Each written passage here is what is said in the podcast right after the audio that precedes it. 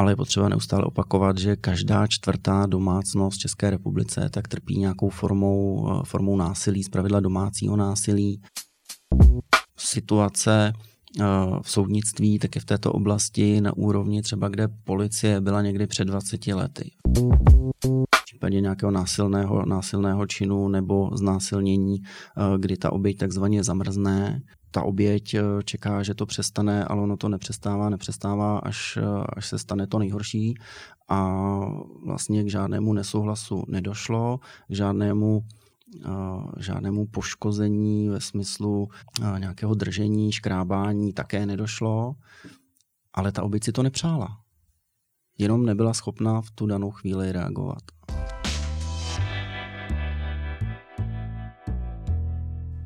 Jsem moc rád, že posloucháte Topcast, podcast politické strany TOP 09. Mé jméno je Matěj Čížek a mým dnešním hostem je Michal Zuna, poslanec a radní Prahy 2 pro bezpečnost. Dobrý den. Dobrý den. Pane poslanče, co jste vlastně dělal, než jste šel do politiky? Co byl váš život předtím, jak jste se k tomu vůbec dostal? Co člověka vede k tomu, aby šel do politiky? Tak já myslím, že život, eh, život přináší samé jako pestré věci, ale eh, bude asi podstatné vypíchnout z toho něco, co bude zajímat posluchače. Já bych možná začal tím, jak eh, se dostat k politice, nebo jak se dostat do politiky. Já jsem v topce vlastně nějakých deset let, takže ne úplně od vzniku, ne, ne úplně od začátku. Vstupoval jsem o pár let později, než, než topka vznikla. Ale určitě tím nějakým prvním impulzem, signálem, eh, tak eh, byl můj pobyt v zahraničí, ve Spojených státech, kde eh, nějaké jako přirozená snaha starat se o své okolí je ve všech naprosto jasně daná. A namísto toho, abychom si říkali nebo na něco stěžovali, co je špatně, tak je určitě lepší si říct, co s tím můžu udělat já, a to byl vlastně nějaký důvod, eh, proč vstoupit do nějaké politické strany. A v tom roce 2012, eh, kdy už tady vlastně TOP 09 nějakým třetím, čtvrtým rokem byla, eh, byla etablovaná, tak mě byla no, nejblíže. A ten první, ten první důvod tak určitě byla komunální politika. Já jsem nevstupoval do politiky s tím, že chci změnit svět, ale že chci změnit svoje okolí, Prahu 2, kde žiju, kde jsem viděl nějaké příležitosti ke zlepšení a postupem času tak ten politický život tak přinášel nějaké zkušenosti, nějaké příležitosti. A díky tomu tak se, tak se podařilo uspět v komunálních volbách v roce 2018, dostat se do zastupitelstva Prahy 2, dostat se do rady městské části Praha 2 a ovlivňovat to dění na té komunální úrovni. Co jste vlastně dělal ve Spojených státech, jestli se můžu takhle zeptat? No, no to souvisí s tou vaší prvotní otázkou. Já jsem ve Spojených státech v roce 2007 nebo 2008 eh, tak byl součástí start týmu, který přivážel do střední Evropy koncept a kavárny Starbucks. Takže kavárny, které vlastně tady už uh, máme přes 10, přes 10 let, tak já jsem byl u toho od začátku a je vlastně i takové jako hezké, úsměvné, že vlastně malostranské náměstí, tak tam byla otevřená první kavárna Starbucks ve střední Evropě a dnes je to 50 metrů vlastně od vstupu do sněmovny, takže mi to neustále tady tu životní etapu a životní zkušenost připomíná. Vy jste tedy v roce 2018 byl zvolen do zastupitelstva Prahy 2, stal jste se radním pro bezpečnost. Co vlastně ta práce toho radního a konkrétně pro bezpečnost znamená?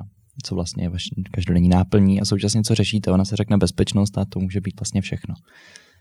Je pravdou, že pojem bezpečnost je opravdu velmi široká a dá se pod tím představit ledascos, ale úplně to nejzákladnější na úrovni, na úrovni městské části, tak je to, aby se lidé, kteří uh, v té oblasti uh, žijí a bydlí, aby se cítili bezpečně. To znamená, je to, uh, je to veřejný pořádek, je to veřejný prostor, a to znamená, aby když procházíte do školy, když procházíte do práce, abyste se na té ulici cítil bezpečně to, abychom toho mohli, mohli dosáhnout a zajistit, tak je potřeba spolupracovat, kooperovat s bezpečnostními složkami, s městskou policií, s policií České republiky a vlastně i na nějakých pravidelných poradách, tak si stanovovat priority, určovat prioritní oblasti, na které je potřeba se zaměřit, které je potřeba řešit, kde může být třeba zvýšený výskyt, netvrdím rovnou kriminality, ale třeba i výskytu osob vykazujících různé, různé závadové chování a řešení těch, řešení těch situací. Takže abych si to dokázal představit, tak sedíte na poradě, máte nějakým způsobem třeba mapu města a říkáte si, tady je to problematické, tady nemáme pokryté třeba ani kamer, eh, kamerové zařízení, nejezdí tam často strážníci a vyskytuje se tam, mohou se tam vyskytovat problematické aktivity. Takhle to funguje. Můžete si to tak představit, eh, vyloženě mapu nepřed, eh, nepotřebujeme, protože Praha 2 je malé městská, malá městská část, co se týče do rozlohy, nikoli však do počtu obyvatel a naopak, naopak hustotou zalidnění, tak je vlastně nejhustěji zalidněnější městskou částí v Praze. Takže ty lokality zvládneme určitě z hlavy a je to, jak říkáte, je to o tom určit, určit ty lokality, které jsou prioritnější v tu danou chvíli, ať už to je na základě teda na subjektivního pocitu, ať už to je na základě uh, tvrdých dat od bezpečnostních složek městské policie, policie České republiky, anebo je to na základě i podnětů občanů, pochopitelně, ty jsou velmi podstatné a důležité, jak se kdo kde cítí a co je potřeba kde zlepšit. No a kdybychom pokračovali v té vaší životní dráze, tak v roce 2021 jste se stal poslancem, teď už to bude za pár měsíců rok. Um, čím se váš život proměnil od té doby? Co to vlastně taky, co to znova, co to vlastně znamená být poslancem? Ta změna je zejména v tom, že jsem se musel odnaučit říkat, s tím by se mělo něco udělat ale říkat, s tím musím něco udělat. Že už to, že je to, je to opravdu o té odpovědnosti. A vlastně byl to i důvodem mé kandidatury uh, do sněmovny, aby uh, vlastně to, co o, o co se člověk snaží, třeba na té komunální úrovni, ale má, uh, má v té snaze různé překážky, různé bariéry, například právě v podobě legislativy, mít možnost to ovlivnit, mít možnost to změnit a přijmout tu spoluodpovědnost za, si to můžu říct, spoluvedení země a tyhle, tyto věci, tyto věci ovlivňovat. Uh, navazuje to určitě právě na tu práci na komunální úrovni, kde mě se propojuje ta bezpečnost tím, že na Praze 2, tak spolupracuji s neziskovými organizacemi, které se zabývají i problematikou domácího a sexualizovaného násilí, ať už to je Bílý kruh bezpečí, Rosa nebo celá řada dalších tak eh, i v této oblasti právě tak je velká příležitost zlepšit eh, spoustu věcí, zlepšit přístup ke spravedlnosti a to byl ten můj motiv eh, a vlastně i ten cíl, který já mám teďka daný na to, na to volební období tady v té oblasti. Vy jste měl i tiskovou konferenci, kde jste představil iniciativu, která má za cíl pomoci obětem domácího a sexuálně motivovaného násilí. Naše země může procházet mnoha krizemi, ale bohužel tu největší krizi někteří z nás prožívají za zavřenými dveřmi, u sebe doma, za zdmi vlastních domovů a to je naprosto nepřípustné, neakceptovatelné a my takovou situaci musíme bezodkladně řešit. A tuším, že jste řekl, že do podzimu byste chtěl mít nějakým způsobem konkrétní návrhy, něco, co bude uh, hotové a připraveno na to se o tom jednat. Teď pokud vím, tak byl i nějaký kulatý stůl nebo seminář, kde jste, kde jste o tom jednali a už to začíná mít konkrétní podobu. Co se musí změnit v České republice, aby právě oběti uh, byly na tom lépe? Jste zmínil tu iniciativu, to se jedná o iniciativu pro problematiku eh, násilí na ženách a dětech. Jsou tam ty, jsou tam ty zmíněné neziskové organizace, spolu, spolupracuji i s advokátkou Lucí Hrdou a ten kulatý stůl, tak ten proběhl, nebo seminář tedy, tak ten proběhl 5. 5. května a v té oblasti tak je celá řada věcí. My jsme definovali vlastně tři hlavní oblasti, kde ten problém je, je nebo čím je, kde je daný. Eh, jedná se zejména tedy o rovinu společenskou, kde je to určitě na politicích, nebo je to jedna z rolí politiků, aby právě o té věci uh, hovořili veřejně do mediálního prostoru a poukazovali na to, že uh, ta situace v té oblasti tak je alarmující, Já tady můžu říct pár, pár bodů z nejrůznějších statistik, když možná už jsou jako veřejně známé ale je potřeba neustále opakovat, že každá čtvrtá domácnost v České republice tak trpí nějakou formou, eh, formou násilí, zpravidla domácího násilí. Eh, byť se na to můžeme podívat eh, z nějakého celosvětového pohledu, že ten průměr celosvětový tak je každá třetí, takže jsme na tom relativně dobře, ale to, to je samozřejmě jako velmi, velmi málo. Máme nějakých 12 eh, tisíc znásilnění ročně. Eh, máme realitu v tom, že pouze 600 obětí těchto trestných činů eh, tak jsou ochotny to nahlásit na policii což je nějaká 95% latence, což je velké číslo. Je potřeba si říkat, proč tomu tak je. Máme tady v té oblasti i 50% nárůst meziroční a to jsou čísla, která jsou nepřípustná a do toho vlastně v té společenské rovině tak jsou, eh, tak jsou ve společnosti zakořeněny nějaké předsudky, nějaké mýty. Eh, ten problém je velmi často bagatelizován, marginalizován, přehlížen a velmi často právě tak se i oběti eh, těchto trestných činů setkávají s nepochopením nejbližších osob.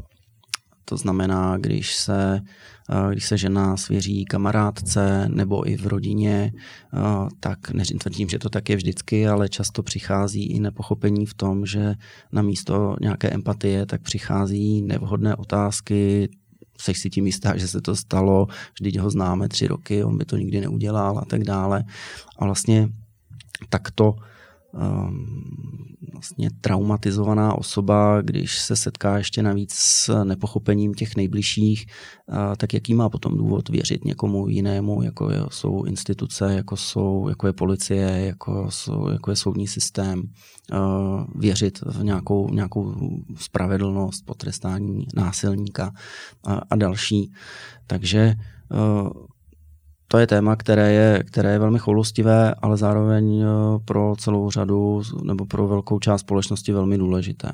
Potom je ta, eh, potom je ta rovina soudní a rovina legislativní, že my si můžeme vlastně eh, v rámci legislativy říct celou řadu nějakých návrhů, které by tu situaci mohly zlepšit, ale pokud zároveň nebude fungovat ta rovina soudní, soudní systém, soudci, státní zástupci, a budeme mít praxi, aplikační praxi takovou, jakou máme, to znamená, že vlastně pouze polovina polovina z těch vyšetřovaných, z těch obžalovaných, tak dostává nepodmíněné tresty, nebo respektive z odsouzených, tak polovina dostává nepodmíněné tresty, ta druhá polovina tedy tak jsou ty, tak jsou ty tresty nepodmíněné teda pardon, ty podmínky, ty podmíněné, uh, ale potom je tam vlastně celá řada uh, nepotrestaných, nepotrestaných lidí. A tím právě směruji k tomu, že pokud bychom se i bavili o nějakých konkrétních opatřeních, jako jsou například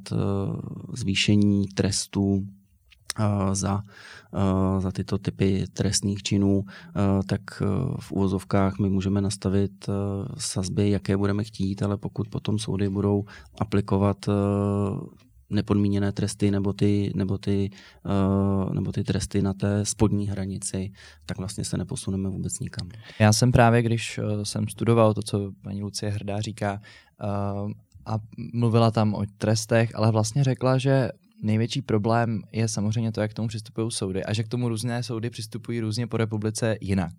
A já uh, tedy opakovaně a dlouhou dobu bojuji za to, aby uh, oběti dostávaly nejenom spravedlivé zadosti učinění, ale také boji proti bagatelním trestům, které jsou důsledkem právě bagatelizace a nepochopení sexualizovaného a domácího násilí ze strany soudců, státních zástupců, po případě soudních znalců, které se promítají tak, že za mnohonásobná znásilnění, eh, za znásilnění dětí, eh, za dlouholetá domácí násilí s, s vyhrožováním zbraněmi, se střelbou, se znásilněním. Padají v této republice podmínky a e, to je situace, která je jedním z jednou z příčin toho, že oběti sexualizovaného a domácího násilí tyto trestné činy prakticky nechtějí vůbec nahlašovat.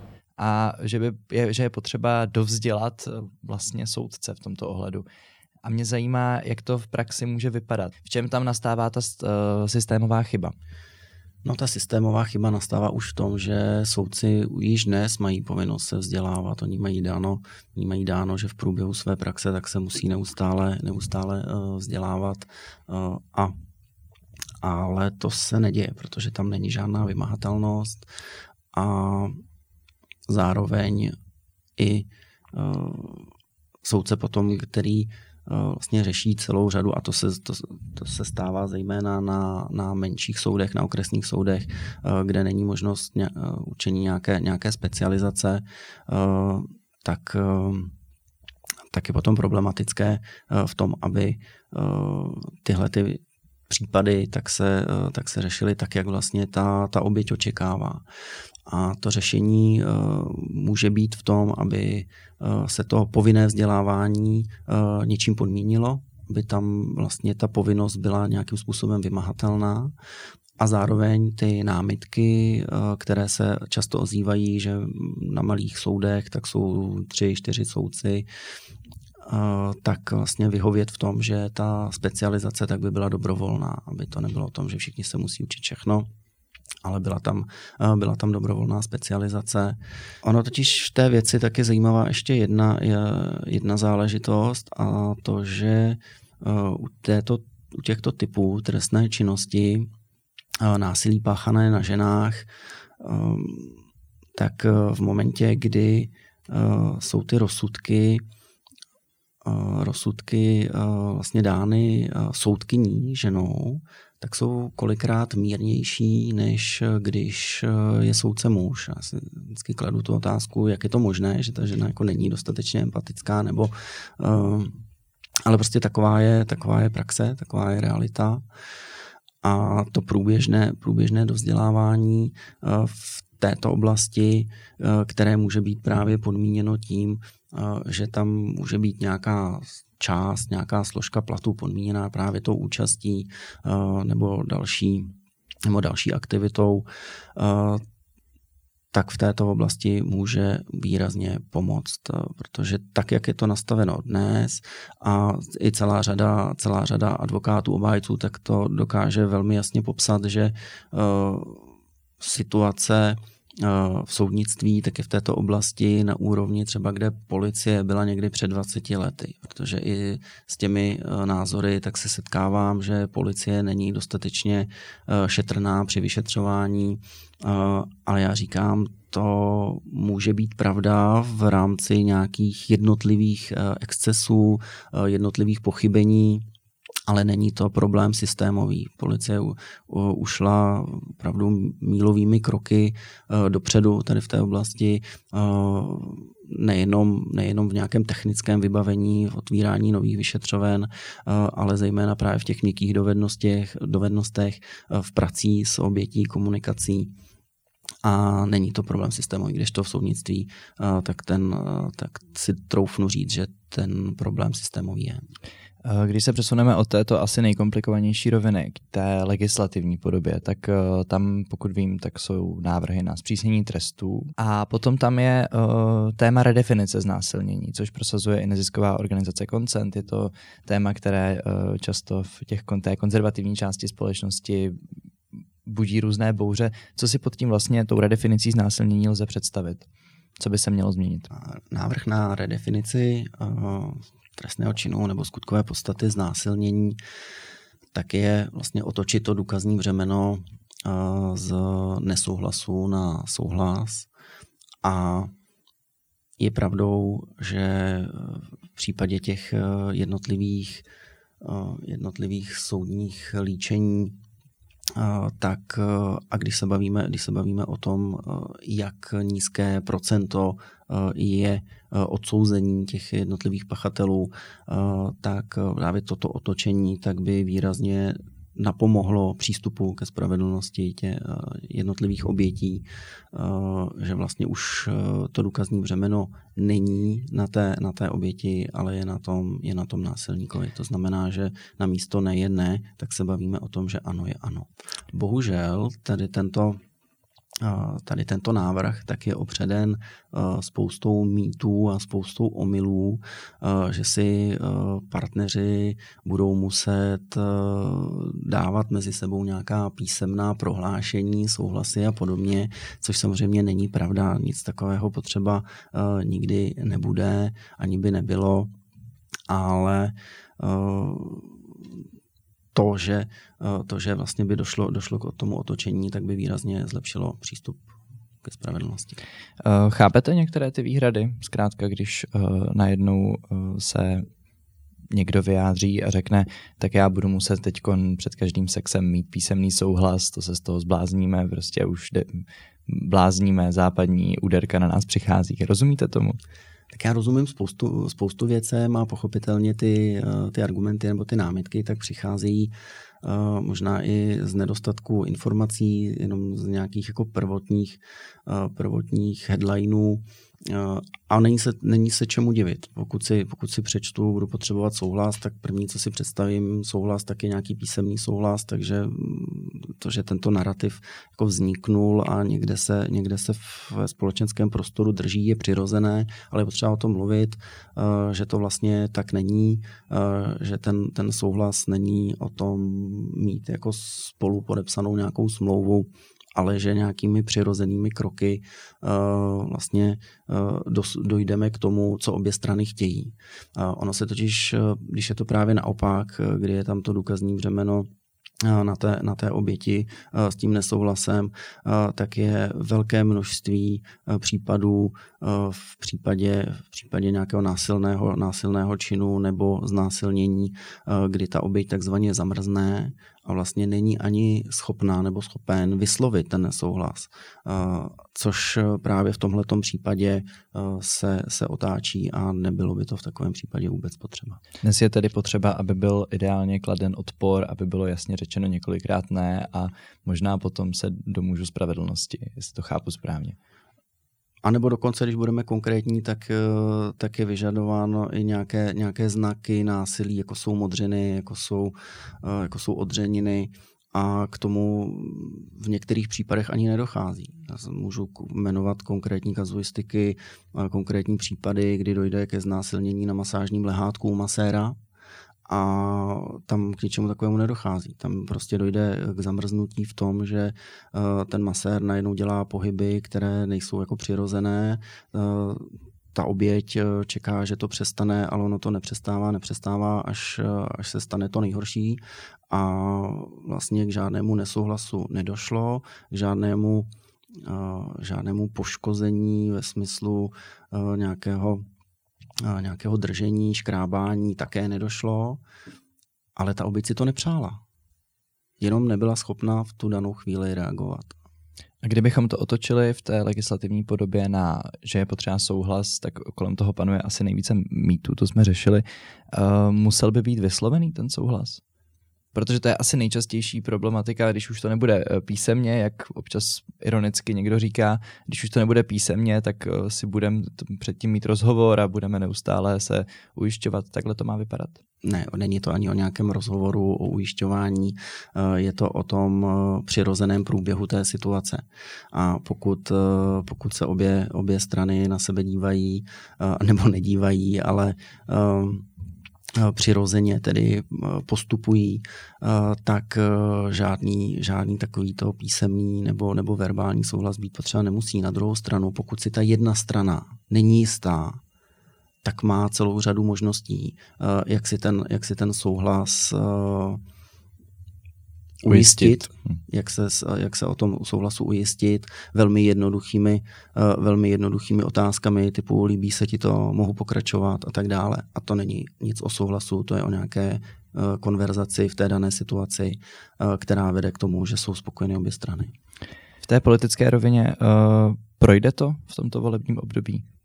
bude to nějakým způsobem prosadit. Já nevím, jestli máte už nějakou představu o tom, jak se k tomu staví politické spektrum uh, a koaliční partneři, ale je pravda, že to je téma, o kterém se určitě povede dlouhá diskuze, opět v poslanecké sněmovně, pokud vím, i v minulém volebním období se vedla, tak má to šanci?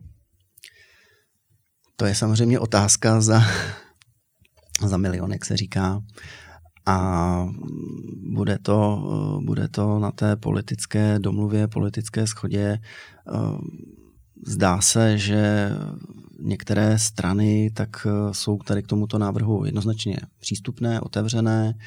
Potom jsou strany, které, které jsou někde, někde na půl. A potom pochopitelně i politické spektrum, které je jednoznačně, jednoznačně proti. Tady můžu zmenovat například SPD, ale pojďme se bavit spíše o té koaliční, o té koaliční polovině nebo, ne, nebo větší polovině. A přímě řeknu, že nejse, si, nyní nejsem jistý, jestli tam máme jednoznačnou koaliční schodu, ale budeme dělat maximum pro to, abychom takovou, takovou schodu uh, našli a um, takto zásadní věc uh, se podařilo dotáhnout. Chápu. Můžeme se posunout na uh, ještě jedno téma. Vy jste byl s paní ministrní obrany Janou Černochovou v USA. Byl jste na vlastně státní návštěvě pana ministra obrany Austina. Ministrině obrany Jana Černochová a její americký protějšek Lloyd Austin včera potvrdili zájem uzavřít obranou dohodu. V ní by neměla být zmínka o přesných počtech vojáků ani o zřízení vojenské základny v Česku. O té podle Černochové na setkání nemluvili. Jedním z témat byla modernizace české armády, na které se budou Spojené státy podílet. Co jste tam dělal, jak to tam probíhalo, co to vlastně znamená ta státní návštěva, kdy vyzvednou vás na letišti takové ty ozbrojené uh, složky a jedete do Pentagonu, nebo... Tak já v prvé řadě musím říct, že si vážím pozvání paní ministrině, abych byl součástí poslanecké delegace a co se týče těch technicit kolem toho, tak není to, není to tak, že bychom, že bychom byli na letišti, tím, že vlastně se jednalo o delegaci ministrině obrany, tak jsme vlastně odlé, odlétali i přilétali na základny, takže jsme odlétali z Ekbel a přilétali na John Base Andrews ve Washingtonu, což je vojenská, spojená vojenská základna amerického námořnictva letectva což je taková výhoda při cestování, že vás nečekají ty dvouhodinové procedury před APO, ale přilítnete, vezmete, vezmete zavazadlo a, a odjíždíte. Ale to je jenom spíš tak na okraj, jako nějakou zajímavost. Pochopitelně tou, tou, hlavní, tou hlavní náplní té cesty, tak kromě, té zmíněné, kromě toho zmíněného jednání mezi ministrní obrany a ministrem obrany Austinem, tak byla i celá řada jednotlivých setkání anebo i jednání, například, například ze zástupci ze Senátu, z, repu, z republikány, s, s, různými, s různými think tanky, a vlastně upevňování nějaké pozice. A možná bych tady ani nehovořil eh, o České republice, nebo pochopitelně o České republice, ale obecně i o Evropě jako takové, protože eh, je potřeba si uvědomit, že i američané, nebo někteří američané, někteří zástupci, eh, zástupci v Senátu, tak ten svět vnímají opravdu jako globálněji a s, větší, s, větší, s větším odstupem a e, pokud, e, pokud oni řeší, jestli nějakou pomoc e, nebo nějakou spolupráci budou tvořit, budou budovat s, geopoliticky s Evropou, anebo jestli to bude Čína, tak z jejich pohledu je to něco jiného než z našeho pohledu, kde my to bereme tak, jako že Amerika to jsou ti naši spojenci a proč by pomáhali nebo proč by budovali vztahy s někým jiným než s, než s Evropou. Ale zase z jejich pohledu, tak Evropa je vlastně nějaké společenství 30 a více států, kteří nechtějí mít jeden, nechtějí být jedním státem, nechtějí mít jednu měnu, mají spoustu pozic, je to jako docela složité. Takže proč, proč nebudovat vztahy s Čínou, která je jednoduchá, která je probiznisová? A tady je přesně ten prostor pro to, abychom my říkali, ne, Čína je bezpečnostní riziko, pojďte se bavit s námi jako s partnerem, kdy my můžeme tedy budovat nějakou, nějakou společnou bezpečnou budoucnost. A i to byla vlastně jedna, jedna z našich rolů, rolí, když jsme se bavili se zástupci Senátu, aby právě Evropa Česká republika právě i v návaznosti na to, co se děje, co se děje na Ukrajině, v návaznosti na valeční agrese ze strany Ruska, tak aby vlastně Spojené státy tak byly s námi. A jak to vlastně dopadlo? Já pokud vím, tak asi mi nebudete tvrdit, že to bylo na nic celá ta cesta se nepovedla, ale nějakým způsobem, kdyby to objektivně šlo říct, jak to prošlo, jestli byl zájem se, právě ze strany USA s námi jednat a tak dále.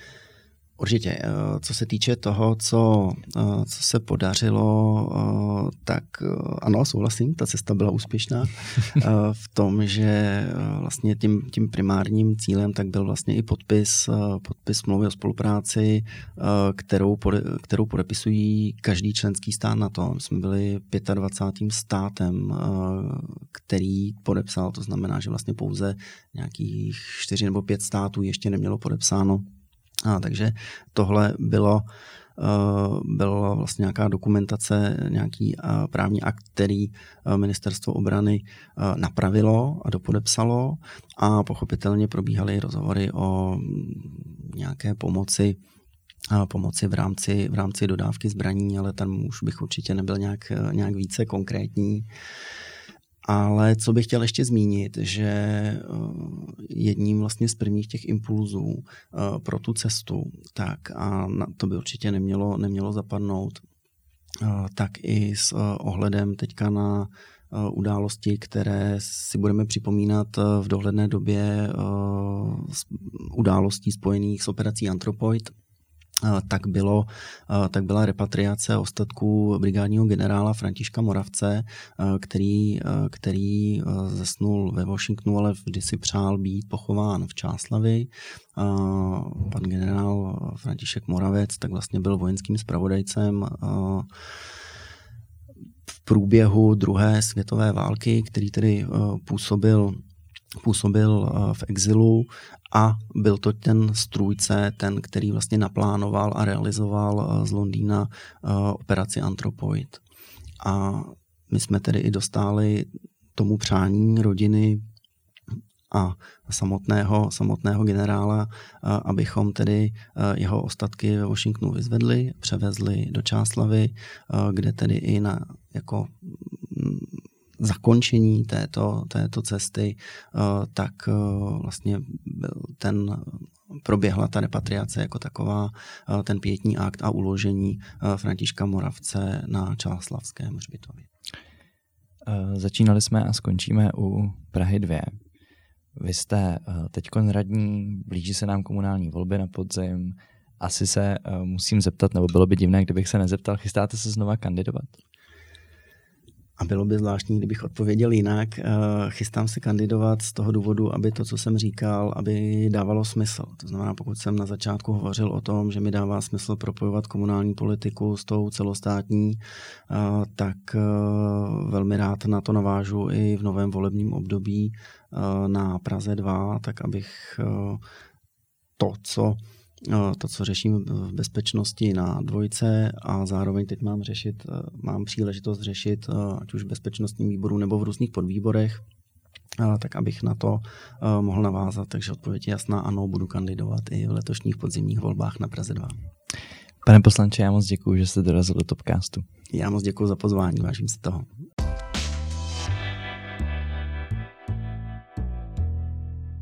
Dnešní díl Topcastu končí. Já moc děkuji, že jste poslouchali. Pokud se vám náš podcast líbí, budeme samozřejmě rádi za sdílení, hodnocení a já se budu těšit již brzy u další epizody Topcastu. Děkujeme moc, že posloucháte.